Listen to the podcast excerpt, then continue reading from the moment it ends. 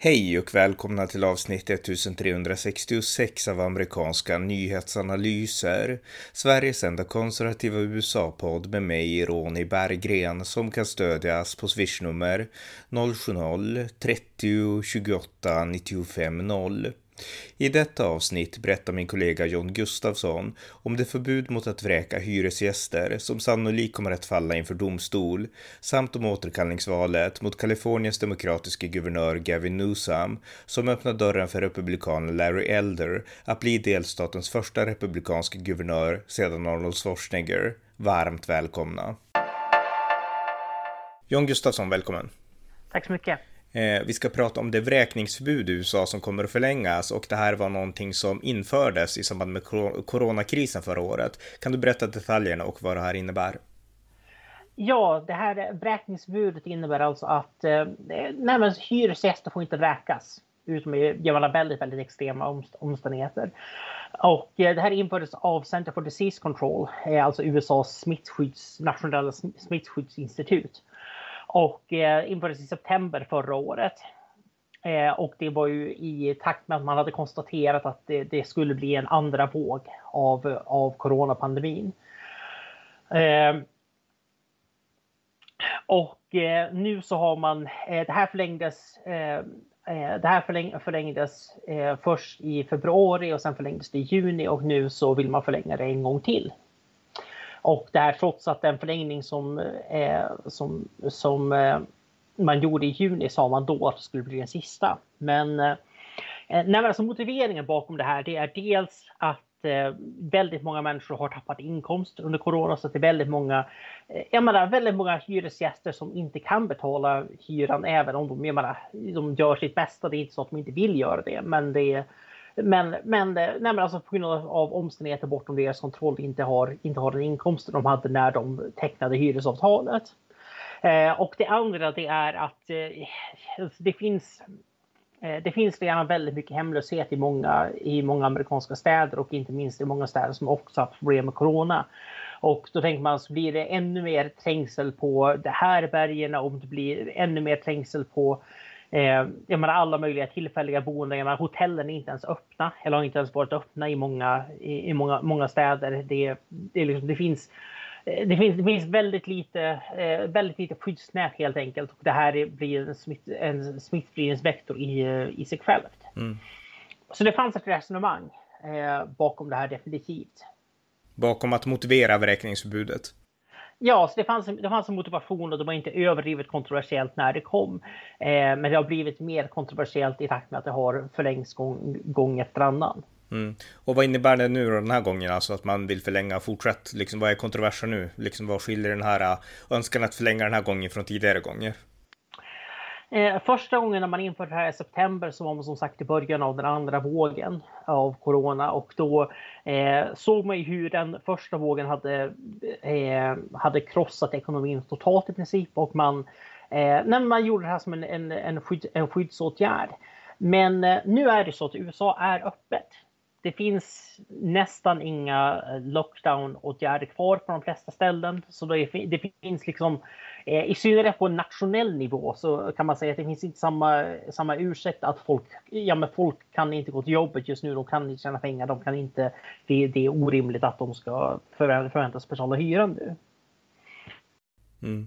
Så Eh, så som sagt, det här var inte, det här var inte jättekontroversiellt när det, in, när det infördes. Men eh, det, det, är mer, det är mer kontroversiellt nu. Jag menar, större delen av USA är idag vaccinerat. Menar, de flesta amerikaner har vaccinerat sig.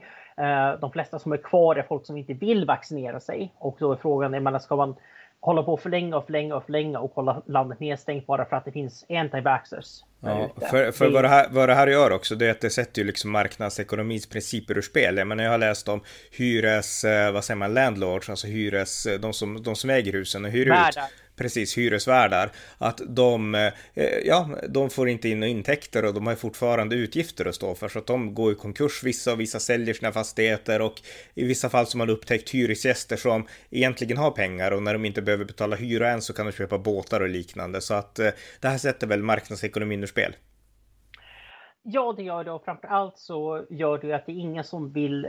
Jag menar, det kommer inte ut några nya enheter på marknaden nu. Det är ingen som vill bygga hyreslägenheter nu i den här marknaden när man inte vet om man eh, eller, eller tillåta att en enhet om man har ett rumledare att man, man hyr ut det för man vet ju inte om man kommer få in hyran eller inte. Ja, men okej, det här förlängs och alla vill inte att det här beräkningsförbudet ska förlängas och då är frågan, kommer det här att komma till Högsta domstolen? Ja, det kommer definitivt att komma till Högsta domstolen eh, och eh, Högsta domstolen har signalerat, för det här har varit uppe tidigare, att eh, man inte kommer att tillåta den här förlängningen. Och eh, för det här, har varit, det här beräkningsförbudet har varit uppe tidigare just för att eh, jag menar, det strider mot äganderätten. Eh, det, får man, det får man ju ändå säga att det gör. Och eh, eh, USAs konstitution är ganska klar med att man kan inte beröva sin egendom eh, utan att det finns en rättslig process bakom det. Och eh, det hyresvärdarna menar det är att när staten tvingar oss att låta folk bo gratis i våra hem, så, eh, som, vi, som vi ändå äger, så eh, då har de berövat oss vår egendom. Och det och man, och man har gjort så utan att det finns utan någon, utan någon liksom rättsprocess som, som behövs då för att beslagta egendom. Eh, så, eh, men när, när det här var uppe i HD så sa man att eh, det här förbudet kommer ändå att gå ut om sådär eh, en månad eller vad det var kvar av, av, av perioden. Eh, så vi lägger oss inte i det här. Man sa ungefär att det här är grundlagsvidrigt, men eh, det är, det är för kort tid kvar, kvar av det här så att det går, det går inte att det går inte att göra någonting i efterhand åt det här så vi, vi, vi, struntar, vi struntar i det ungefär. Mm. Nej, men alltså, grejen är Högsta domstolen har en viss pragmatism inbyggd. Så är, så är det bara. Liksom, man gör inte bara bokstavstolkningar utan man... Eh, men nu så...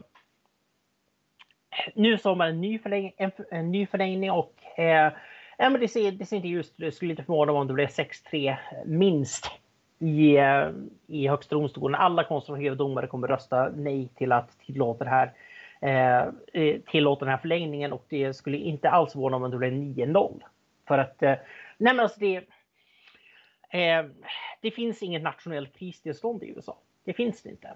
Och, eh, det, och det har också blivit väldigt tydligt att det här är inte en krisåtgärd utan problemet nu, anledningen till att det här förlängs och förlängs, det är för att det var ganska många som när eh, det här vräkningsförbudet kom från, första, från första början så slutade de helt enkelt att betala hyran. Och det har gjort att, för att det här, inte, det här betyder ju inte att man bor gratis utan det blir att man blir skyldig hyresvärden Eh, pengar. Så att om din hyra är 10 000, 10 000 kronor i månaden och du inte har betalat hyra under den här perioden så har du nu sen, alltså sen beräkningsförbudet infördes så är du nu skyldig din hyresvärd 110 000 kronor. Okej. Okay. Mm. Och eh, nu är det jättemånga som tänkte att nej, men jag struntar i att betala, betala, hyr, betala hyran för att hyresvärden kan ju inte vräka mig. Och då så fort vräkningsförbudet upp hävs så, blir, så kommer hyresvärden att säga okej, okay, hit med 110 000 spänn eller ut härifrån. Mm. Eh, och det är helt logiskt och det är helt rättfärdigat och det är helt rätt. Men det är en politisk mardröm. I synnerhet om man har en ganska stor del av sin politiska bas råkar vara hyresgäster så är det ännu en politisk mardröm. Det råkar vara Demokraterna ifall ni inte förstod mm. vad jag menade. Eh, och eh, vi skulle säga att Biden-regeringen sa in i det sista att man inte skulle förlänga eh, det här beräkningsförbudet just man sa att det här bryter mot konstitutionen. Jag menar, även Biden var ju helt öppen med att menar, det, här, det här kan vi inte göra. Vi kommer, vi, vi kommer bli överkörda i högsta domstolen om vi, om vi försöker det här. Eh, men det var sån otrolig press från vänsteraktivister att man gjorde det ändå och tänkte att ja, men då får högsta dom, det här får bli högsta domstolens huvudverk. Och eh, det här är ett problem och det är väldigt oansvarigt regerande. Eh, dels för att en regering ska inte medvetet bryta mot konstitutionen. Eh, och det är något som Biden-administrationen gör nu. Man har ju själva erkänt att det här är grundlagsvidrigt. Och dels för att när det här går upp i HD så, och HD slår ner det här med 6-3 eller 9-0 så tar ju det effekt omedelbart. Och det gör att istället för att du eh, säger att ja, den första augusti så kan ni börja, eh, börja bräka folk igen så alla hyresgäster som ligger efter med hyran, ni måste börja förhandla med era, liksom hitta en lösning med era hyresvärdar nu. Liksom, ni måste förbereda er på det. Mm. Eh, istället så kan det bli att om vi säger att vi får ett domslut den 10 september. Jag vet inte alls när, när det kommer komma, men då blir det ju att det träder i kraft omedelbart. Så då blir det att 10 september kommer ett dom, domslut och sen dagen efter så kan hyresvärdarna sparka ut typ allihop. Närmast det blir, det blir en, en kaotisk process istället för en, istället för en ordnad process. Eh, och det här vet såklart Biden-administrationen också, men det är samtidigt ett väldigt bra sätt för dem att eh, Slippa, slippa ta ansvar för konsekvenserna. Slippa, slippa, slippa ta ansvar, men framför allt också inför mellanårsvalen, för där ser det inte så bra ut för Demokraterna just nu. Men kan man då få, få det till att den här dumma konservativa högsta domstolen med Trump-tillsatta dom, domare ledde till, eh, liksom skapade massvräkningar runt om i hela USA, då blir det som ett, en det blir en rallying cry så att säga. Det blir ett sätt, sätt att få basen entusiastisk inför att gå, till valurnorna 2022. Mm. Och, eh, och det är därför jag helst skulle se att det här är ett 9-0 beslut så att även de liberala domarna eh, liksom står på sig att så här, kan man, så här kan man inte göra. Och i synnerhet så här kan inte en myndighet göra. Det är en sak om det finns ett kongressbeslut bakom att eh, bakom ett vräkningsförbud. Det är, det är lite krångligare juridiskt, men det här är ett myndighetsdirektiv. Och det är ett myndighetsdirektiv från en myndighet som egentligen inte har någonting att göra med liksom, bostadslagstiftning. Det är liksom, eller hyreslagstiftning. Det här är Smittskyddsinstitutet. Det är inte...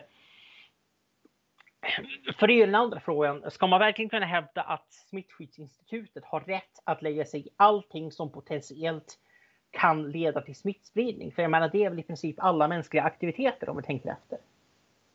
Ja, jag förstår. Ja, men det är en intressant poäng i alla fall. Men eh, bara för att sammanfatta här då. HD kommer alltså med all sannolikhet att, eh, att eh, ja, stoppa den här förlängningen av räkningsförbudet. Ja, det är bara en fråga om när, när exakt. Mm. Eh, Okej okay då, men då har vi pratat om HD och om Demokraternas syn på det här och eh, den politiska sits de sitter i. Republikanerna då, vad, vad, vad har de att säga om det här? De, de, det är ju ett parti som ändå i grund och botten står upp för äganderätten. Ja, och eh, jag menar de republikaner som har uttalat sig har ju uttalat sig eh, kritiskt till den här förlängningen. Men det har ändå varit ganska tyst, alltså förvånansvärt tyst från Republikanerna, vilket jag tror speglar lite att partiets koalition är inte densamma som den var för tio år sedan. Och att man har en betydligt större del arbet arbetarklassanhängare, man har betydligt mer, eh, fler anhängare från, eh, från industribältet och Nej, men folk som helt enkelt gynnas av vräkningsförbudet. Och eh, det gör att även om man inte vill motsätta sig det här och man har eh, motsatt sig alla försök att få igenom ett vräkningsförbud i kongressen. Eh, där man står på sig det bra. Eh, men även om man har gjort, eh, även om man har gjort det så har man inte velat göra det här till en profilfråga för att det rör sig om vräkningar. Det är liksom det är inget trevligt att folk kastas ut på gatan. Det är ingenting man vill som parti bli sammanknippade med när man har en, en, en kärnväljar, kärnväljarbas så att säga som till, till större delen tidigare är just hyresgäster och ar, arbetarklass. Mm, nej, precis. Ja, ja. ja, eh, just det. Ja, men det var lite om det här beräkningsförbudet i alla fall. Vi får se hur det, ja, inte hur det slutar utan när det slutar i högsta domstolen. Men ska vi lämna det bakom oss och gå vidare till nästa fråga? Och det är så här då att eh, Kalifornien håller ett, eh, ja, man ska, man ska ta ställning till om man vill avsätta eh, den demokratiska guvernören, guvernören Gavin Newsom. Och eh, en ny mätning säger att Kaliforniens Kaliforniernas väljare kommer att rösta ja eh, i förhållande till om Newsom ska avsättas, 51 mot 40 procent. Och i våras såg det helt hopplöst ut och nej-sidan ledde ofta med 12 till 15 procent. Så vad är det då som har hänt? Och ja, om Newsom tvingas bort, vem lär då bli vald som ersättare? Har du några, ja, kan du kommentera det här som händer i Kalifornien nu? Mm. Ja, det första man måste förstå det är att det är Kalifornien är den delstat som har flest folkomröstningar av alla delstater. Alla delstater har olika regler för liksom medborgarinitiativ som kan leda till eh, en folkomröstning. Men eh, det är lättast i Kalifornien och Kalifornien är också en delstat där det är lättast att få till en omröstning om att, eh, om att som man säger, återkalla guvernören. Eh, och det här är lite som ett nyval, men inte riktigt. För att eh, en sån här omröstning går till så att du får två frågor på valsedeln. Den första frågan det är, vill du, eh, vill du avsätta den sittande guvernören Gavin Newsom? Ja eller nej? Om en eh, majoritet svarar nej, då händer ingenting. Då är den andra frågan meningslös. Men sen den andra frågan, det är om Gavin Newsom avsätts vem vill du eh, ha som ersättare? Vem vill du ska, ska, ska tillträda istället då? Så det är två, det är två, separata, det är två separata frågor. Och, eh, eh, och det finns ingen begränsning för hur många kandidater. Så att det är inte så att varje parti har en ersättningskandidat vardera, utan det här är ett Eh, utan det finns flera eh, demokratiska kandidater, det finns flera republikanska kandidater och det gäller bara att vinna en pluralitet. Så den kandidat som får flest av rösterna, även om han har långt ifrån en majoritet av dem, eh, blir guvernör om en majoritet röstar för, eh, röstar för att, att avsätta den sittande guvernören. Mm. Så. Eh, och eh, nej, alltså jag, skulle, jag skulle säga till att börja med att när den här eh, när, när det blev klart att det skulle bli en omröstning, vilket var i början av april om jag minns rätt, kan det ha varit slutet av mars. Eh, så, så såg som sagt det såg helt hopplöst ut egentligen. Det här var en symbolisk handling för republikaner för att visa att man eh, man eh, kunde inte stå upp för, eh, eh, man, kunde, man kunde inte tolerera Newsoms hantering av coronapandemin framför allt. Och eh, alla de, liksom, nej men det är extrem, extremt restriktiv, restriktiv, de extrema restriktionerna som man har infört och hela Nej, men hela, den, hela den hanteringen, det är egentligen det som våld har, har, har kretsat kring. Mm. Så men eh, i våras så såg det ändå ut som att pandemin är ju, jag menar den är på återgång, folk blir vaccinerade. Eh, liksom det här, är, det här är lite av en icke-fråga om man säger så. Eller i alla fall inte min, en icke-fråga, det är en historisk fråga, inte en framtidsfråga. Eh, nu på grund av Eh, Eh, nu på grund av eh, eh, delta-varianten och lambda-varianten och allt vad de heter. Jag menar, det har, det har skett en snabb ökning av antalet fall och corona har kommit tillbaka i media i, full, i full, fullt rampljus igen. Och Eh, och man kan också säga det att Newsoms hantering handlade ju om att jag menar, vi, ja, men vi tar en väldigt strikt lockdown så dödar vi liksom covid-19 för all framtid och vi vaccinerar oss och vi eh, liksom och det, det, här det framstår inte som så framgångsrikt just nu. Mm. Eh, eh sen eh, sen, sen ska man också säga att en, en annan grej det är att eh, Newsom själv bröt mot restriktionerna. Så att när han eh, när han, eh, han beordrade alla eh, restauranger i hela delstaten att stänga. Men sedan så gick han själv och bokade in eh, bokade in sig på ett, par, ett party på French Laundry som råkar vara en, alltså, är väl en av världens topp fem liksom, lyxigaste restauranger. Och, eh, och det var dessutom inomhus och det var ingen som bar ansiktsskydd där. Så att mm. Eh, Nej, men han har också anklag, anklagats för... Hyckleri. Ja, anklag, anklagas för, för hyckleri helt enkelt. Och... Eh, har, har, har det här då gett Republikanerna någon slags öppning? För vi ska komma ihåg att Kalifornien är ju typ eh, ja, USAs mest demokratiska delstat. Republikanerna vinner aldrig ja, någonting. En av, en av, en av, en av topp fem, mm. sex. Det finns några, jag tror att, ja okej, okay. men sak samma. Ja, jo, det är en väldigt, väldigt demokratisk delstat. Det är en delstat där, jag menar, republikanerna har egentligen inte haft en chans sedan Ronald Reagans dagar. Nej. Så, eh, och här kommer vi in på eh, det, grejen är det att demokraterna har klantat till det.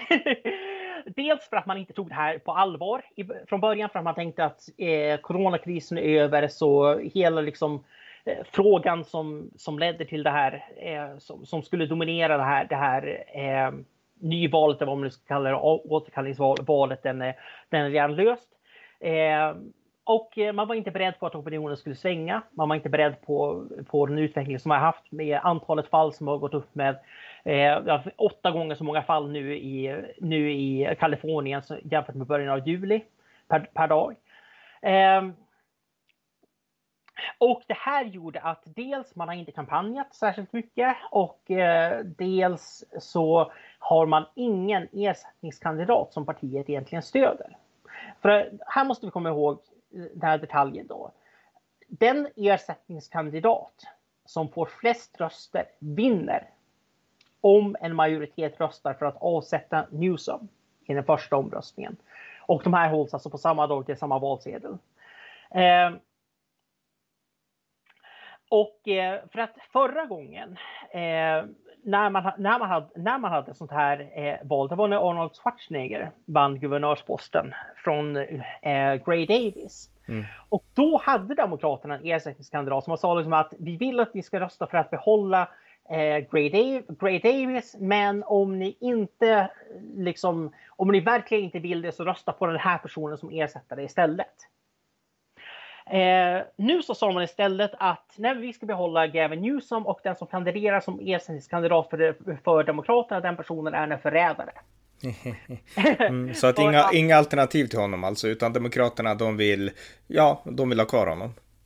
Eh, precis, eller åtminstone ville. Och nu är det lite sent att hitta kandidater så här liksom mm. sent, i, sent i racet. Så att den ledande kandidaten för Demokraterna är Kevin Puffret, en kontroversiell YouTuber som inte har någon politisk bakgrund alls. Mm. Igen.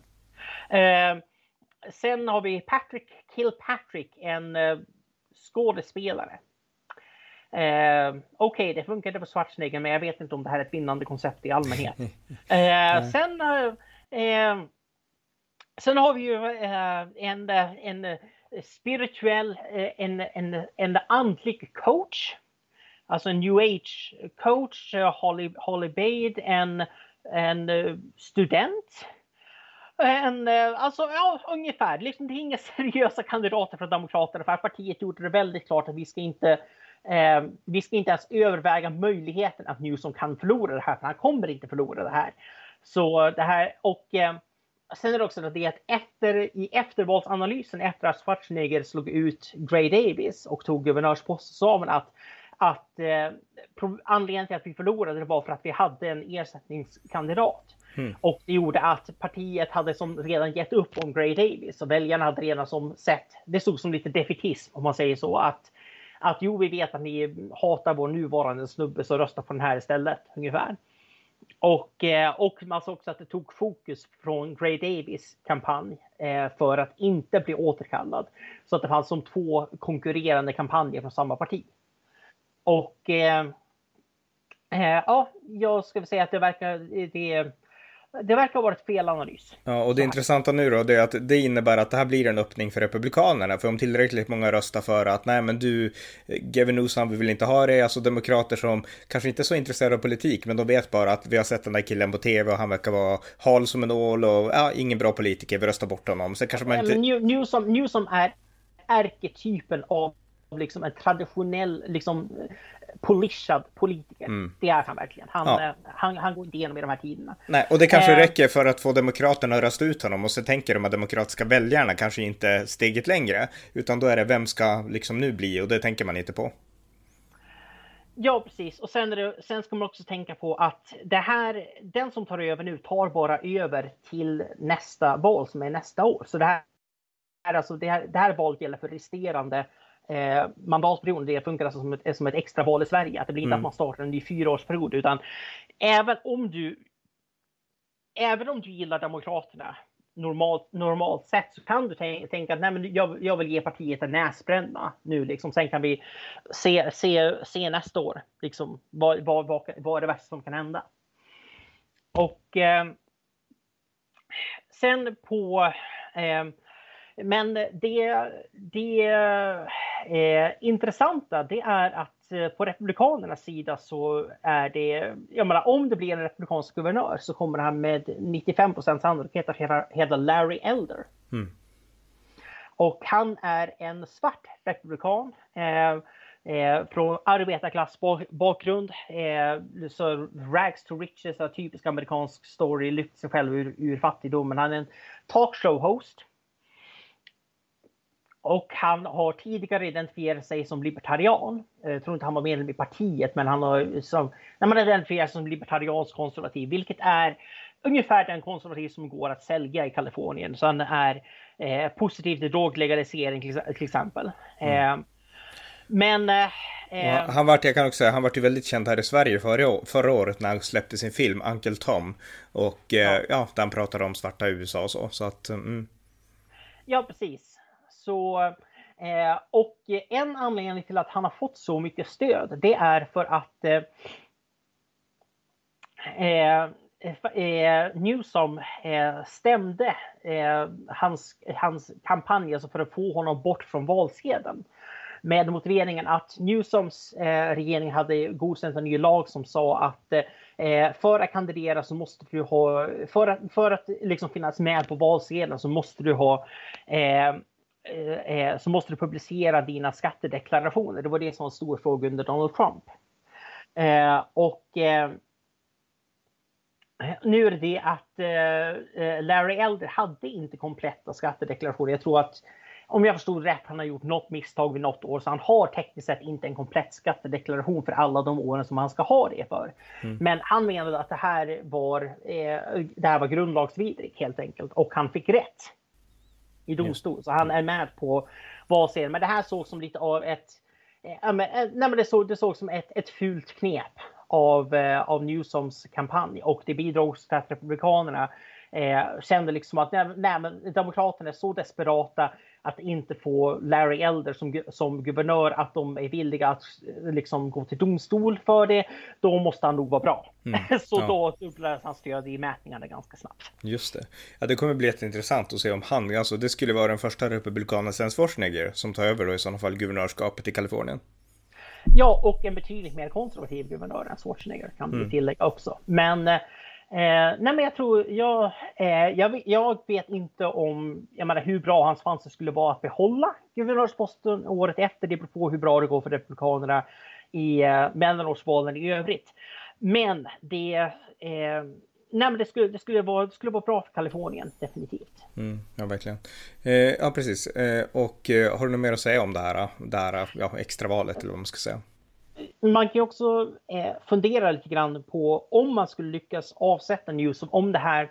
Eh, för som sagt, Republikanerna ser ut att gå mot ett bra mellanårsval. Det är de tidigast, tidigaste indikationerna. Det är fortfarande mer än ett år kvar ska vi säga. Men eh, man ser ut att gå mot ett bra mellanårsval och då kommer jag fundera på om det här kan bli startskottet för liksom någon form av republikansk revansch.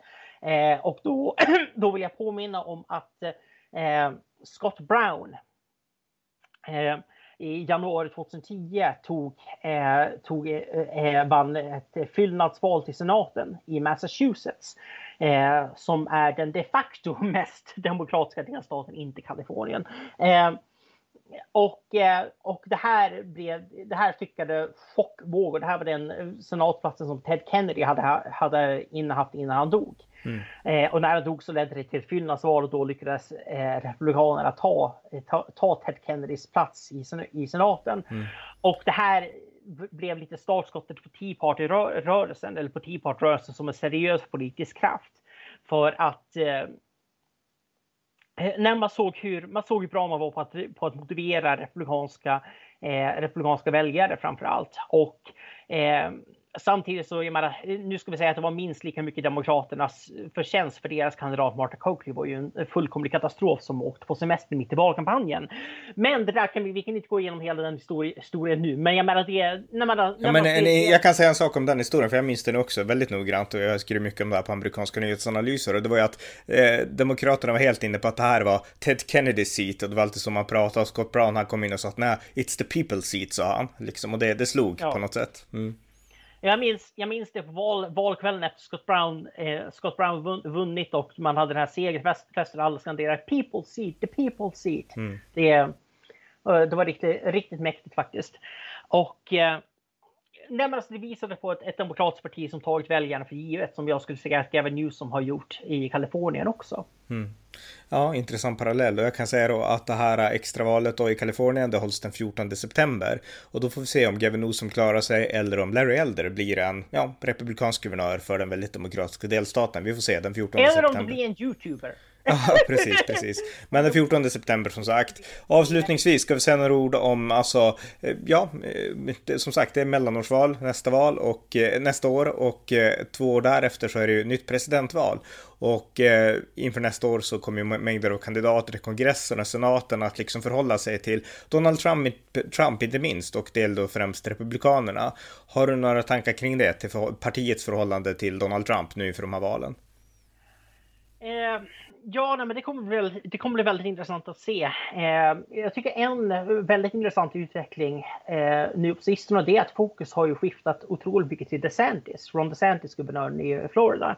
Eh, och eh, det har blivit en, eh, en stor mediakampanj mot DeSantis. Många säger till och med att han är värre än Trump, eh, vilket är helt absurt.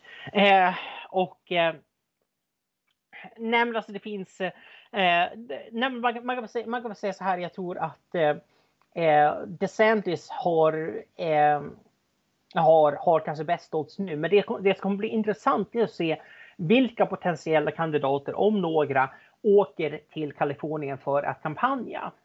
Eh, för att eh, det, jag menar, jag kan, jag, kan, jag kan väl säga så här att eh, det finns många som skulle göra Liksom, och, och, också vilka kandidater vill ha hjälp egentligen. För att om du är Larry Elder och du vill försöka bli vald som, som Kaliforniens nästa guvernör, vill du verkligen ha Donald Trump på liksom, valtåget med dig? Jag mm. menar, vi är väl, väl, väl medvetna om att han inte är överdrivet populär i Kalifornien.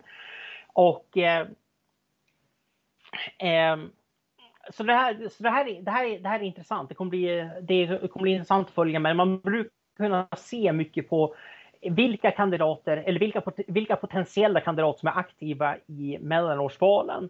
Eh, så brukar man kunna se ungefär vilka som är seriösa, vilka åker jag menar, vilka passar på att åka till Iowa och New Hampshire och, kan, kandidera, och kampanja för lokala kandidater där. Och eh, eh men, eh, nej, alltså det känns alltså för, eh, för de som jag som vill att Republikanerna ska gå vidare från Trump och eh, bygga upp en, ett, ett parti, parti som inte som och fram, framför allt inte åternominerar Trump 2024 så känns det ju som att oddsen har blivit bättre den senaste månaden för att eh, allting handlar inte om Trump längre och det Trump säger, liksom Trumps pressmeddelanden och allt sånt där, det får mindre och mindre uppmärksamhet. Det blir liksom eh, han, han, är, han, han är inte fullt, fullt så relevant längre och nu har man hittat en ny huvudmotståndare i DeSantis som man kan fokusera på. Och eh, nej, jag tror att eh, däremot så tror jag att det är tidsfråga innan Donald Trump får ett vredesutbrott på just DeSantis på grund av det här. Så mm. Ja, det ska det... bli, bli intressant att se och följa det. Så att, men okej, men då har vi fått en uppdatering om några av de senaste sakerna och framförallt då det som händer med vräkningsförbudet och eh, det som händer i Kalifornien. Så tack John. Tack själv. Det var avsnitt 1366 av amerikanska nyhetsanalyser. En podcast som kan stödjas på swishnummer 070-30 28 95 0 eller via hemsidan på Paypal, Patreon eller bankkonto. Det var allt för idag. Tack för att ni har lyssnat.